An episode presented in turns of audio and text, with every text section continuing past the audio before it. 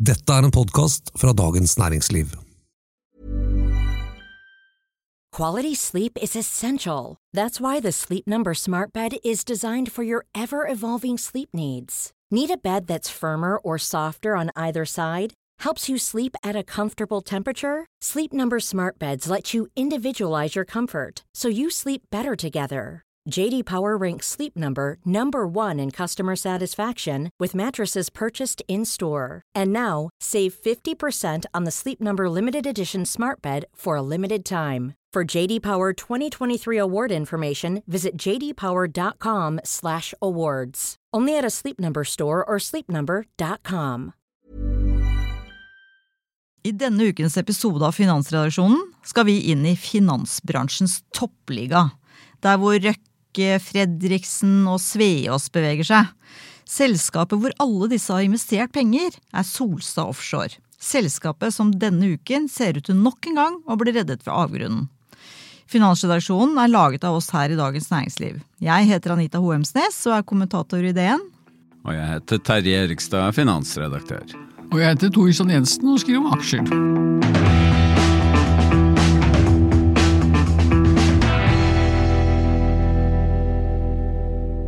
Altså jeg vil bare si det sånn, altså Hvis dere, med den omfattende erfaringen dere har med temaet finansakrobati, ikke hadde vært det i dag, så hadde det blitt en veldig kort episode. For jeg syns dette her er litt eh, vanskelig. Vi skal komme til, forklare litt mer om hvor vanskelig jeg syns det er når vi ser på eh, porteføljen min i Fantasyfond. Men først, To Christian. Hva skjedde med Solstad Offshore denne uken? Og hvorfor er dette selskapet så interessant for denne finanseliten? Eh, For å svare på det andre spørsmålet først, fordi at det er masse penger å hente! surprise, surprise! det er jo fordelen med aksjemarkedet. Der handler alt om å tjene mest mulig penger på kortest mulig tid, eller i hvert fall tjene mest mulig penger. Så det er liksom ikke noe man, man kan alltid prøve å gjemme seg bak noen fine ord om at man skal tjene menneskeheten, men som oftest i aksjemarkedet så handler det om én ting, det er å tjene penger, så derfor er det veldig enkelt. Det er Så kynisk, Tor! Jo, men det hjelper meg til å tolke det som foregår i markedet, for hadde jeg vært mor Teresa, så hadde jeg jo ikke skjønt noe som helst, men fordi at jeg er en kynisk jævel, så Men eh, tilbake til det første spørsmålet, det er jo da at eh, Solstad Offshore, styret i Solstad Offshore har kommet med en eh, refinansieringsplan, eh, den tredje vel, på, på, på, på, på noen år. Ja, men det er det jeg mener, Du må enda et steg tilbake. For at Solstad Offshore har vært i gjørma lenge. Hva er det de driver med? Hvorfor har de vært i gjørma? Ja, eh, Solstad Offshore de driver en flåte med, med eh, altså fartøy som driver med forskjellig type virksomhet ute i, ute i Nordsjøen. Eh, Det kan være ankerhåndtering, det kan være fartøy, altså støttefartøy for, for subsea, eller du som liker å ha det på norsk, undervannsoperasjoner.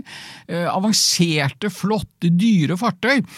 Um, problemet er at det er jo eh, flere slike rederier på Oslo Børs, og, hovedproblemet har vært at de har investert altfor mye penger i disse fine nye skipene, med støtte av statlige garantiordninger, riktignok, som har gjort at man jo bygget i hjel dette markedet, og det hjalp jo ikke når du da fikk kollapsen i, i oljeprisene, nå tilbake til 2014, det begynner å bli en, en stund siden, da, som jo var en ordentlig smell for dette markedet. Og Det har jo da gjort at eh, selskaper som da eh, Rem Offshore, Deep Sea Supply, eh, Solstad, eh, en, en hel haug, Farstad Offshore, en hel haug av disse selskapene fikk jo problemer, og mange av dem ble slått sammen i det som nå heter Solstad Offshore. Og så har de hatt noen eh, refinansieringer. Problemet har vært at de, de har ikke klart å refinansiere nok, så de har alltid blitt sittende igjen med masse gjeld, og de har vel fortsatt noe 20 milliarder med, med gjeld. Men det som nå endelig nå ser ut til å skje, er at det er jo en lysning i denne sektoren etter mange, mange tunge år. Ja.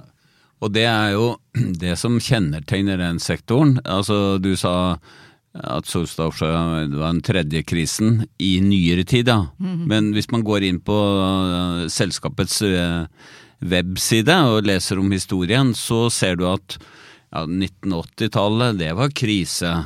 2010 var eh, Eller 90 ja, 90-tallet var optimisme, og så var det 2010 var krise, og så ble det oppgang igjen, og så ble det krise. Og det er jo fordi at dette er en veldig sånn kapitalintensiv bransje. Man må bygge skip som koster veldig mye penger. Og hvis da, Det må man med nødvendighet låne penger til å, å, få bygd. Og hvis det da bygges for mange sånne skip relativt til etterspørselen, så er det plutselig en bransje som sitter der med kjempedyr eh, Kjempedyre, kompliserte, avanserte skip som ikke har oppdrag. Og da er det ikke noen annen vei på et eller annet tidspunkt å sanere den gjelden, tilføre selskapene ny kapital og starte på nytt. Altså, båtene har jo vært fantastiske og er det, men, men poenget er at det hjelper jo ikke å ha en fin båt hvis ikke du har et oppdrag. Nei, det, det, den, den kjøper jeg. Det syns jeg, det synes jeg ikke er noe vanskelig å skjønne. Men dette høres ut som en oppskrift som annet uh, Jon Fredriksen har uh, hatt i, sin, uh, i, sitt liv i shipping. Ja. Boost and boom. ja, boost and boom. Ja, så, så det er jo ikke noe nytt i at, man, at denne bransjen da overinvesterer i gode perioder, for så å liksom suge på totten, holdt jeg på å si, i dårlige perioder. Men hva er det som gjør Er det, er det fordi at man er det fordi at Nordsjøen er eh, utbygd? Nei. Er det derfor markedet forsvinner? Nei, altså eh, For det første så opererer eh, disse rederiene globalt. Altså Nordsjø, eller norsk sokkel er liksom det største for Solstad Offshore, men det har stor aktivitet i andre deler av verden. Sør-Amerika, Vest-Afrika, Australia og tror jeg. Så det er et globalt selskap. Og den er offshore Altså hvis man ser på oljeutvinning eh, generelt i verden, så er liksom offshore eh, ca. 35 Og så er det, uh, er det da onshore, som er type Saudi-Arabia, Irak og sånn, som borer bare ned i bakken. Og så har du shale, som er da Uh, denne skifer, særlig i USA. da. Og dette, disse markedene, de alle er jo produserer jo det samme, olje, men det er ulik struktur, da. Det, så det er særlig i det markedet vi snakker om nå, så er det sånn seismikk, rigger, og eh, det man kaller da supply, altså som servicenæringen for, for selve utdenningen, de alle de bransjene er jo avhengig av at oljeselskapene investerer, bygger ut eh, nye felt, eh, og, og, det er der vi er i en gunstig fase på norsk sokkel nå, fordi denne oljeskattepakka som vi har snakket om tidligere, førte til en veldig høy aktivitet, eller har ført til høy aktivitet. Det er mye som skjer på norsk sokkel nå, så utsiktene for dette, dette selskapet er blitt mye bedre. Er du ikke enig? Så og da kommer vi tilbake til hva som skjedde denne uka. For at da liksom, det er ingen som ville putta 2,2 eller 2,5 milliarder kroner inn i et selskap hvis utsiktene ikke var gode. Cool fact a crocodile can't stick out its tongue. Also, you can get health insurance for a month or just under a year in some states. United Healthcare short term insurance plans, underwritten by Golden Rule Insurance Company, offer flexible, budget friendly coverage for you. Learn more at uh1.com. Many of us have those stubborn pounds that seem impossible to lose, no matter how good we eat or how hard we work out. My solution is PlushCare. PlushCare is a leading telehealth provider with doctors who are there for you day and night to partner with you in your weight loss journey. They can prescribe FDA-approved weight loss medications like Wagovi and Zepbound for those who qualify. Plus, they accept most insurance plans. To get started, visit plushcare.com slash weight loss. That's plushcare.com slash weight loss. Millions of people have lost weight with personalized plans from Noom. Like Evan, who can't stand salads and still lost 50 pounds. Salads generally for most people are the easy button, right? For me, that wasn't an option. I never really was a salad guy. That's just not who I am. But Noom worked for me. Get your personalized plan today at Noom.com. Real Noom user compensated to provide their story. In four weeks, the typical Noom user can expect to lose one to two pounds per week. Individual results may vary.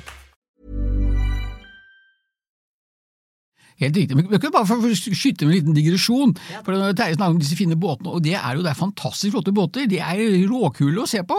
og Derfor er det jo veldig synd at vi som bor innerst i Oslofjorden i en tarm her, vi får jo ikke sett disse flotte båtene. De er jo aldri her. Hva skulle de gjøre her? Men bor du i Tananger, eller bor du i Stavanger, eller bor du i Bergen Skudeneshavn. Ikke sant? Ikke minst, som jo Skudeneshavn er jo hovedkontoret, og Skudeneshavn utenfor eh, Haugesund, fantastisk eh, idyllisk eh, plass.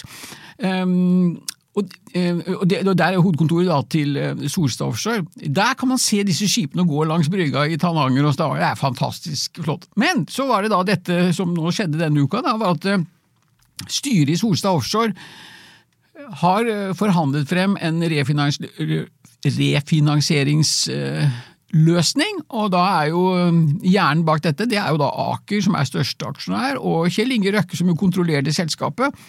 Eh, Og, i samarbeid da med et annet Røkke-selskap som heter AMSC, American Shipping, som det het, het eh, før. For de eier en av de aller gildeste av disse båtene. Det er en båt som heter Nordmann Maximus. som er en såkalt... Ja, fantastisk! Det er fra Nordmann Maximus. Ja, ja, det har ikke peiling, men det er i hvert fall et kjempekult navn. da, Og båten er jo beist! altså Kjempeflott båt! Og Den eies av AMC, og SC har vært eh, leid ut til Solstad Offshore.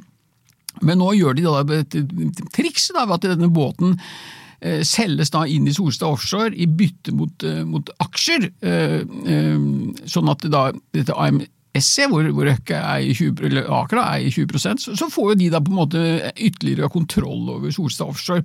Og I tillegg så er det en svær deal med, med bankene, det er da spesielt da DNB, som er en veldig viktig bankforbindelse for Røkke og har vært det i alle år, sammen med da Eksfin, en statlig garantiordnings... Er det det som het GIEK før? Ja, det er mm. Sånn, ja. riktig. Ja. Så de går da med på eh, å gi et nytt eh, flåtelån, eller lån for å finansiere skipene på 9,7 milliarder, sånn at man da kan betale tilbake den eksisterende gjelden, og det er vel ca. 11, et eller annet eh, eh, milliarder. Men dette gjøres da på en ganske fiffig og veldig komplisert måte. Jeg måtte virkelig klø meg i hodet når jeg sa at vi skulle lese en børsmelding, og det kan folk da prøve å gjøre hvis de ønsker det. Kan gå inn på Newsweb og søke på er på engelsk. på, på, ja, Ja. ja, det hjelper Jeg er så glad du skriver sånne kjappe børskommentarer på norsk. Solstad, Solstad Offshore kan man søke, da kan man lese den børsmeldingen. Og det er veldig vanskelige greier. altså. Det er typisk sånn Røkke-transaksjon. Uhyre komplisert, men det har som oftest den konklusjonen at han kommer best ut på, på, på den andre enden. Jeg, jeg tror jeg skal prøve å, å få forklart det. Ved at, ja, fordi det, det uh, Røkke og Jeg må, må legge til Øyvind Eriksen. Så Jeg tenker høyre også at det er mer Han- Øyvind Eriksen enn Røkke. Ja, jo, Han de er er, er du vandrende. Begge, begge er, et, ja, har vært involvert, det er ikke noe tvil om. Jo, den, det de gjør, hvis du liksom skreller det ned, er at eh, styret i Solstad Offshore, som er dette børsnoterte selskapet, de har gått med på å på en måte legge en stor del av eiendelene inn i et datterselskap, og så får Aker lov til å kjøpe seg inn i det datterselskapet med å tilføre ny kapital. Det betyr at Aker blir den store eieren i dette datterselskapet, og det, de opprinnelige aksjonærene i Solstad Offshore, som fortsatt er børsnotert, de blir da minoritetsaksjonærer i det selskapet. Og det betyr at på sikt så kommer det til å oppstå et nytt selskap som blir børsnotert, med Aker som største eier. Så det, du kan si at det, det gamle Solstad Offshore det, det beholder noen skip. og Uklart for meg hva det skal drive med på lang sikt. Det er mulig du har noe idé om det, Tor. Men, men poenget er bare at Aker øh, fikk på en måte førsterett til å overta øh, indrefileten i Solstad Offshore. Mot selvfølgelig å skyte inn egenkapital og, og betale for det. Er ikke det en rimelig grei øh, oppsummering, Tor? Jo, absolutt. Eh, Men så er det da ikke noen, noen, fiffige eh, C-momenter og, og poeng i denne transaksjonen. For først så går da Aker inn med 2,25 milliarder kroner i dette nye Solstad Newco, som det heter. Alltid når det er sånne refinansieringer, disse nye selskapene, de kaller det alltid for Newco, og så et eller annet miks på det. Det nye selskapet. Det nye Nye selskapet. selskapet. Gjør det ikke vanskeligere enn det. Nei, ikke sant, nye, nye selskapet. Um, men så er det så, altså skal det være en, kommer det en ny emisjon eh, rettet mot de uh, eksisterende øvrige aksjonærer, for det er jo ikke bare Røkke, han har jo bare 25% eller jeg sier Røkke, men jeg mener Aker, han har 25 som da skal kunne få skyte inn 750 millioner kroner. Problemet er at det, den store andelen som da Aker får, den gjør at det blir en betydelig det som heter utvanning. Altså Man kan rett og slett si at liksom, de eksisterende aksjonærene utenom Aker, de, de eierandelen forsvinner, forsvinner ikke helt, men den minsker ganske betydelig. Og Det kunne godt da illustreres og reflekteres ved at Solstad Offshore-aksjen da falt 25 Eh, i går, mandag, når denne meldingen ble kjent. Så da har eh, regnemesteren ute i aksjemarkedet de har fort sett ok, dette var ikke noe spesielt god deal for de øvrige aksjonærene. Det må være lov å tolke det på, på den måten. Og at eh, Aker har kommet relativt mye bedre ut enn de øvrige aksjonærene. Men så kan Røkke innvende, og det vil han sikkert også gjøre, at ja, men hallo, Eh, jeg har holdt dette selskapet ved like og i live i år og bidratt med risikokapital, og jeg gjør det nok en gang, og jeg er den største aksjonæren, den som sitter og drar i trådene her, så noen friheter må det da være lov å ta seg, vil han innvende. Altså, da må vi jo legge til at styret i Solstad Offshore, som da har en plikt til å likebehandle alle aksjonærene, de kan ikke gi Aker en fordel eh, sånn uten videre. Sånn at uh, dette styret har da skrevet i denne omfattende børsmeldingen at de uh, styremedlemmene mener at de har likebehandlet aksjonærene og tilfredsstiller alle lovmessige krav om å gjøre det. Eh, men som Thor sier, markedets dom var ikke at dette var likebehandling. Det, det, det er vel det vi kan konkludere med. Ja, og Det tror jeg vel også at eh, styret i Solstad Offshore vel også erkjenner at det er ikke likebehandling, men det er det de kaller en balansert løsning. Altså at du gitt alle forhold tatt i betraktning så er det dette det beste man kunne eh, komme ned på. Og det er som du sier, ikke sant? Altså lovens bokstav og alle mulige anbefalinger sier jo at for å ivareta likebehandling av aksjonærene, så skal man ha det som heter eh, tegningsrettemisjoner, at alle får en rett at alle aksjonærer får like mye rett til å tegne aksjer i forhold til hvor mye de eier i selskapet. Det er det jo ikke her. Det er det som heter en rettet emisjon, altså at det er en eksklusiv gruppe, og da spesielt Aker som får mulighet til å tegne seg. Og Da er det slik at hvis man gjør det, så skal man kunne argumentere for hvorfor man gjør det. Og det gjør de jo eh, veldig prøver godt. iallfall å gjøre det. Ja, de, de, de, og det gjør de jo veldig godt. De begynner å bli proff på, dette- på dette her og forklare hvorfor det er. For det er jo nesten bare rettede emisjoner på børsen. Så det begynner de å bli veldig flinke til å, å forklare. Men det er jo nok å ta ett blikk på øh, kursfall i aksjen, så skjønner man jo at øh, minoritetsaksjonærene, alle andre enn Aker, er ikke enig i at det er en øh, balansert løsning. Men så da vil jo, hvis noen klager da, så ville sikkert Røkke eller Eriksen si ja, men hvorfor stilte ikke dere opp med kapital da? Hvorfor kom ikke dere med et forslag til løsning? Og det er jo det som eh, vi snakker om da, eh, det som kalles restrukturering og refinansiering. Nå skjer jo begge deler. Altså selskapet blir jo splittet opp. Eh, Største del av aktiviteten blir lagt inn i dette nye selskapet med nye eiere, og som etter hvert skal børsnoteres innen tolv måneder. Sånn at eh, det, det, det gamle Solstad Offshore liksom eh, er blitt blir historie, eh, sånn som det var. Det er liksom restruktureringen. Og så er det jo refinansiering. Da er det jo både at selskapet får ny egenkapital, og eh, at man eh, reforhandler avtalene med bankene, da, som Thor sa. Da, da får du en ny kapitalstruktur, som det heter på fint. Altså at du har en ny fordeling mellom gjeld og egenkapital. Og det er jo det Der er vi tilbake til på en måte det vi starta med. At, at den type selskaper som da eh, per definisjon skal de, skal de ha en virksomhet, så må de bygge båter, og da må de låne penger. Og når de da bare blir sittende med Når du ikke får noe business på de båtene, så blir det litt kjipt. Men det er jo litt sånn vi kjenner fra f.eks. hotellbransjen. Jeg mener, Hvor mange hotell i dette landet har ikke blitt refinansiert gang på gang fordi gamle eiere ikke klarte å betjene, og så kommer det noen nye, får sanert gjelden, og så, så Da blir det jo liksom som regel sånn, hotellet stående, da, men jeg hadde jo min ulykkelige eh, sammentreff med Solstad Offshore da, i Fantasy Fantasyfond, som gudskjelov og takk bare er en lek.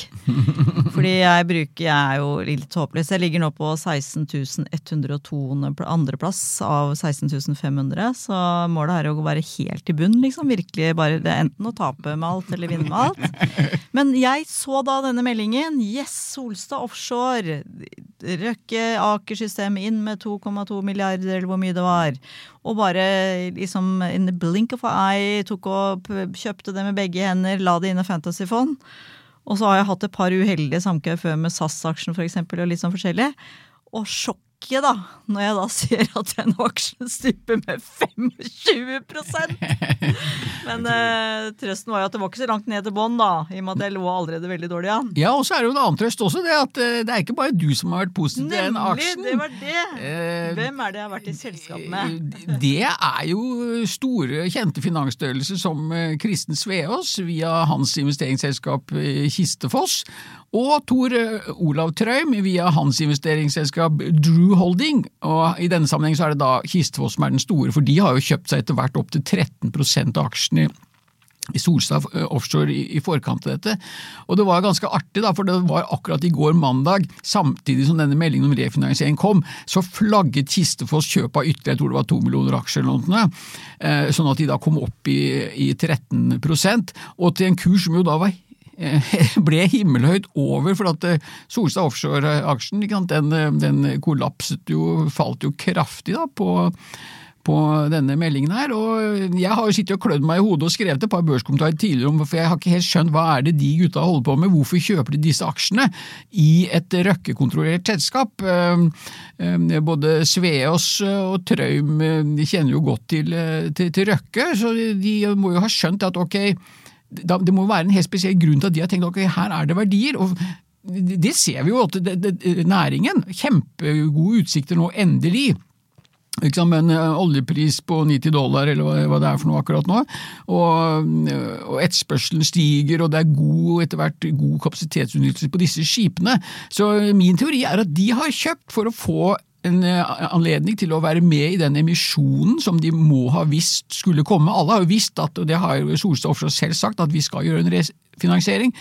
Og det vil medføre utvanning av eksisterende aksjonærer, det har de også advart om. Så der er alt i orden sånn sett. Så det har både Trøim og Sveås eh, vært klar over, likevel har de da kjøpt aksjer. Så min teori er at de ville med i emisjonen, men at også de har blitt overrasket over hvordan refinansiering og hva skal vi si, eh, hvordan de eksisterende minoritetsaksjonærene kom, kom, ut i denne dealen. At, så min hunch er at de, de, er skuffet. Det burde i hvert fall uansett være fordi kursen har falt, eh, akkurat som du opp, opplevde. Men verken Trøim eller Seås er jo de som holder tann for tunge, eller hva det heter for noe. De vil vel gjerne si fra, tror du ikke det? Hvis det, det, er, liksom, det, er, det som er litt forventningen og grunnen til at vi snakker om det, det brygger vel litt opp til bråk? Ja, kan det, kan det bli noe konflikt der? Fordi eh, sånn som børsmeldingen er formulert, så virker det som om uh, avtalen er liksom done deal. At det ikke er sånn at uh, Det er ikke noe rom for forhandlinger, liksom? Nei, eller at aksjonærene må, må behandle på noen generalforsamling. Eller, dette er innenfor styrets uh, mandat, da. Eh, og det er kanskje derfor de har lagt det inn via nye datterselskaper. At det er liksom eh, et datterselskap som formelt sett har inngått en avtale med en ekstern som også er største aksjonær i selskapet. Det er jo, det er jo en veldig spesiell konstruksjon. Ja, Det er et veldig godt poeng. Og så dette, dette Newco, da, det er ikke bare De skal jo da eies av Solstad Offshore, ASA, men, men, det er jo i tillegg et morselskap i den nye strukturen. så det, her, her, det, det skjønner jeg, jeg er selv litt forvirret. Det først er det et morselskap, og så er det datterselskap. Men det, det, er, altså, det er i hvert fall bety det, er betydelige endringer i strukturen. Så da er det nok mange som vil hevde det, at uh, dette er et tema for generalforsamlingsvedtak, og dette kan ikke styret bare sitte og salte rundt på strukturen og putte penger i, histen og pisten. Og Det er også et annet artig poeng med at de har laget det, at de nye pengene går inn i dette selskapet inne, inne i systemet, og liksom ikke i ASAT. Det er jo at det da øhm, utløser ikke det som heter tvungen tilbudsplikt, som, opptrer, som alltid opptrer når du kommer over 33,3 av aksjene. Og, og, bare ved de 2,25 milliarder så kommer jo Aker over 40% og så skal du også ta med de eksisterende øh, aksjene. Så hadde de gjort dette i det nåværende morselskapet, eller ASAT, så hadde jo blitt eh, utløst eh, tvungen eh, tilbudsplikt. Og da er det veldig interessant det med at Kistfoss eier 13% av aksjene. For hva er 13% Jo, det er jo om du har over 10% av aksjene, så er det i mange generalforsamlingsvedtak hvor det kan være nok til at du kan blokkere Mm. Dette er jo finjus, og jeg skal ikke fremstille meg sånn som noe, noe, jurist, men jeg har i hvert fall skjønt at hvis du har over 10 av aksjene, da, du, da, er du ganske godt posisjonert. Så hvis Kistefoss skulle ønske å lage noe kvalm, så ja, det får vi ja. Altså, Det er jo flere muligheter. Altså, det, det, ikke sant? Tilbudsplikten opptrer når du passerer 33 eh, Og så, hvis du har mer eh, hvis du, hvis du da kjøper opp legger inn et tilbud på alle aksjene, så kan du tvangsutløse de som ikke vil selge til deg, hvis du har kommet over 90% Så her er det da umulig for eh, Hvis man hadde gjort det med et tilbud eh, på alle aksjene, så ville det ikke vært mulig å liksom tvinge Sveaas til å selge. Så vi vet jo ikke Han har jo en sånn posisjon der, men, men, men i og med at ikke sant? Hadde man solgt en, en uh, si, Solgt selskapet til Aker, uh, så hadde det blitt tilbudsplikt. Men man selger altså egentlig innmaten. til, uh, til Aker i Du får beholde plakaten og logoen, og så går alle skipa i et nytt selskap. Nei, er, De beholder noen skip. Jeg vet ikke hvorfor, om du vet du det, Tor? Hvorfor de beholder syv skip, eller hva det var. Men det, den, det operative selskapet selges til Aker, får, den, får dominansen der, da. Men nå har vi jo snakket om eh, egenkapitalsiden, men det er jo en eh, annen som også har tjent veldig gode penger på, eh, på dette, og, altså nemlig John Fredriksen. Han har jo sittet med gjeld. Altså dette er jo ikke, dette er ikke offisielt bekreftet, men det, det, det, det sies, med, med gode ubekreftede rykter, sier at John Fredriksen Deutsche Bank og et eh, fond som heter eh, Cross Ocean, at de samlet har eh, kjøpt inntil 25% av bankgjelden. For det vet vi at når det blir gode, dårlige tider, så vil, plutselig ikke bankene være med lenger og begynner å selge. og så det som vi da hører, er at denne grupperingen, eller om de da kjøper hver for seg, skal få kjøpt disse denne gjelden til 60–70% av pålydene. Og som en del av denne refinansieringen så skal gjelden innløses til pålydende verdi. Så hva betyr det? Ok, du har fått kjøpt eh, gjelden til, til 40% rabatt, men du får tilbake 100% pålydende. Så for John Fredriksen så er jo dette betydelige verdier. Og da er det jo litt morsomt, han var jo med på eiersiden fordi han førte jo inn et, han hadde jo også et sånt supply-rederi som da gikk inn i Solstad Offshore.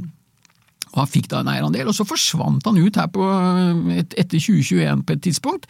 Og så plutselig dukker han opp på gjeldssiden, og det er jo veldig veldig smart. vet du. For da, da må jo han ha hatt en, et veddemål på at den neste refinansieringen vil skje sånn at det ikke blir det som heter på fagspråket en haircut. En haircut betyr det at bankene eller kreditorene må ta tap, og det vet vi, det hater de som pesten og vil unngå til det aller ytterste. Og da har John Fredriksen vedda på det, at ok, jeg kan selge denne gjelden til en høyere pris enn det jeg har eh, kjøpt eh, for. Så han er allerede, og så gitt at alt dette nå blir noe av, så er han allerede den største, eller en av de største vinnerne, da, sammen med, Røkke og Aker selv. Og eh, som du har påpekt, eh, Tor, at så er det en, kanskje en eh, grei bieffekt for eh, Røkke at han da ikke har Fredriksen med på aksjonærsiden. Så Det er nok Det er to store personligheter, tenker jeg, i ett og samme rom, liksom. Det, da Norge er for lite for Norge, de to sammen. Ja, det, Ja, det er jo derfor de har de har jo flyttet ut. flytta begge to. Og, det, det er jo logisk. De måtte- Den ene, ene har flytta til Kypros, og den andre eller, eh, har eh, skaffet seg eh, statsborgerskap som kypriot, men bor i London.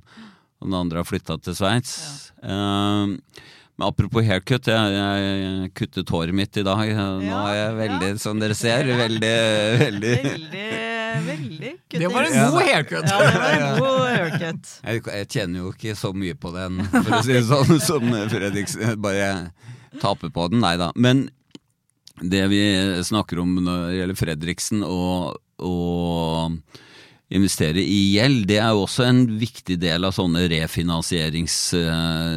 refinansieringsordninger. Altså hvem, hvem eier gjelden, og hva krever de?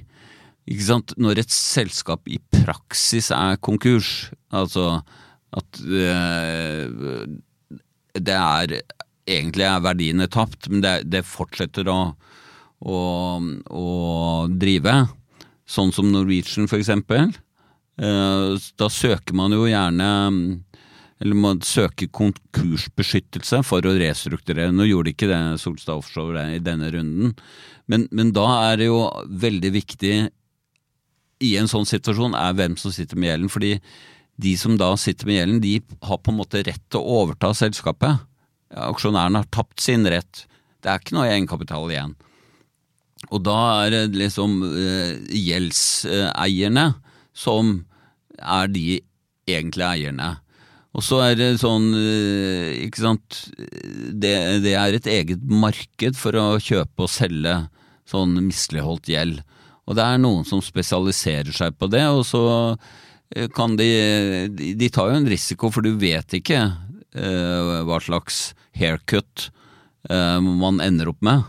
Nettopp. Og så- er det jo masse forskjellig type gjeld også. Ikke sant? For det vi snakker om i dette tilfellet, det er jo ren bankgjeld. Men så kan, det er pant i båtene, ikke, ikke, sant? Ikke sant? Så det er en veldig god gjeld. Prima kvalitet, ikke sant? og ofte da ikke sant? første prioritet. Ikke sant? De- beste, de sterkeste gjelds... fordringshaverne, da. Men så er det jo en haug med alt mulig annet rart av gjeld. ikke sant? Eh, Du kan ha eh, obligasjonsgjeld, eh, du kan ha konvertibel obligasjonsgjeld, du kan ha eh, sånn, det som heter junk bonds, altså gjeld som da har en veldig høy eh, løpende eh, rente. Og da er det jo et sammensurium å finne ut av hvem eh, og da, sant, Av disse store kollapsene vi har sett i næringslivet til store selskaper som går eh, ad undas, så er jo det en av de store utfordringene. det er jo Hvordan får vi samordne alle disse fordringshaverne? For Det er jo den andre tingen som vi nevnte, med at vi vet jo ikke, det er jo ikke offisielt noe sted at eh, at Fredriksen er stor eier av gjelden. For det er det som er problemet. Det, det, det er ikke noe offentlig arkiv på det, eller noe offentlig registre. Det er ikke sånn som på, med, med aksjer at vi kan gå inn og kreve å få se aksjeboken. Du kan ikke gå til Solstad Offshore og kreve å få se hvem er dine kreditorer. Um, så, så det er litt sånn i det mørke for oss som på en måte sitter på utsiden. Jeg regner med at eh, du kommer til å følge dette ganske tett, Christian. Jeg leser gjerne dine børskommentarer framfor eh, lange engelske eh, Nå sto det helt stille for meg. eller- Børsmeldinger. Børsmeldinger. Jeg følte at det var liksom børs, ja, børsmelding, Børskommentar ja, børsmeldinger nei takk. Og så tenker jeg at dette var en interessant eh, episode som viser hvordan eh, storkara, for det er jo dessverre, ikke bare dessverre selvfølgelig, men eh, flest menn som driver med denne type finansakrobati. Håper du har nytte av episoden. Tusen takk for at du hørte på. Vår produsent er Gunnar Bløndal. Ha det bra!